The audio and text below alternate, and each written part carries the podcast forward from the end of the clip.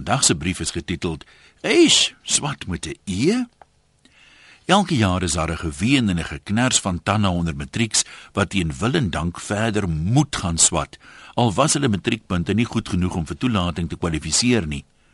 Omstandighede verskil seker, maar dit sal interessant wees om die meriete van sulke gevalle van nader te beskou. Wat laat sulke matrieks dink hulle gaan suksesvol wees in verdere studie as hulle matriek op genade, spotvra of aangepaste punte deurgekom het? Ek lees jy kan matriek slaag met 'n gemiddeld van minder as 40%, solank jy net 40% het vir die taal wat jy elke dag praat. Vir die meeste universiteitskursusse moet jy al die vakke slaag met 50%. Nou wat laat jou dink jy gaan dit regkry met meer werk as wat jy op skool gehad het? Soos ek nou die dag geskryf het, is dit maar min matrieks wat A's vir al hulle vakke gehad het wat op universiteit al hulle vakke kom. Dis baie meer algemeen dat jou punte afneem.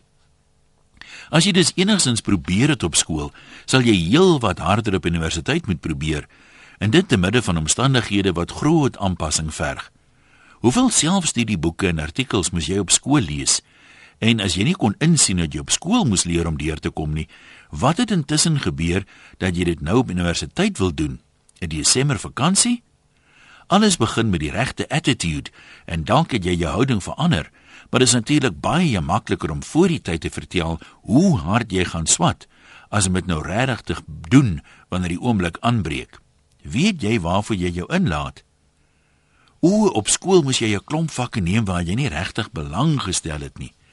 En wat laat jou dink jy gaan op universiteit in elke enkele vak belangstel? Terloops, en hoe het jy toe gevaar in daai skoolvakke waaraan jy wel belang gestel het? Dit sou wonderlik wees as almal vir enige kursus kon inskryf. Maar is ek die enigste een wat 'n bietjie gatvol is vir mense wat al ewig lamenteer oor dit wat hulle nie kan kry nie. En dit meestal is gevolg van hulle eie toedoen. Nou is dit skielik onregverdig.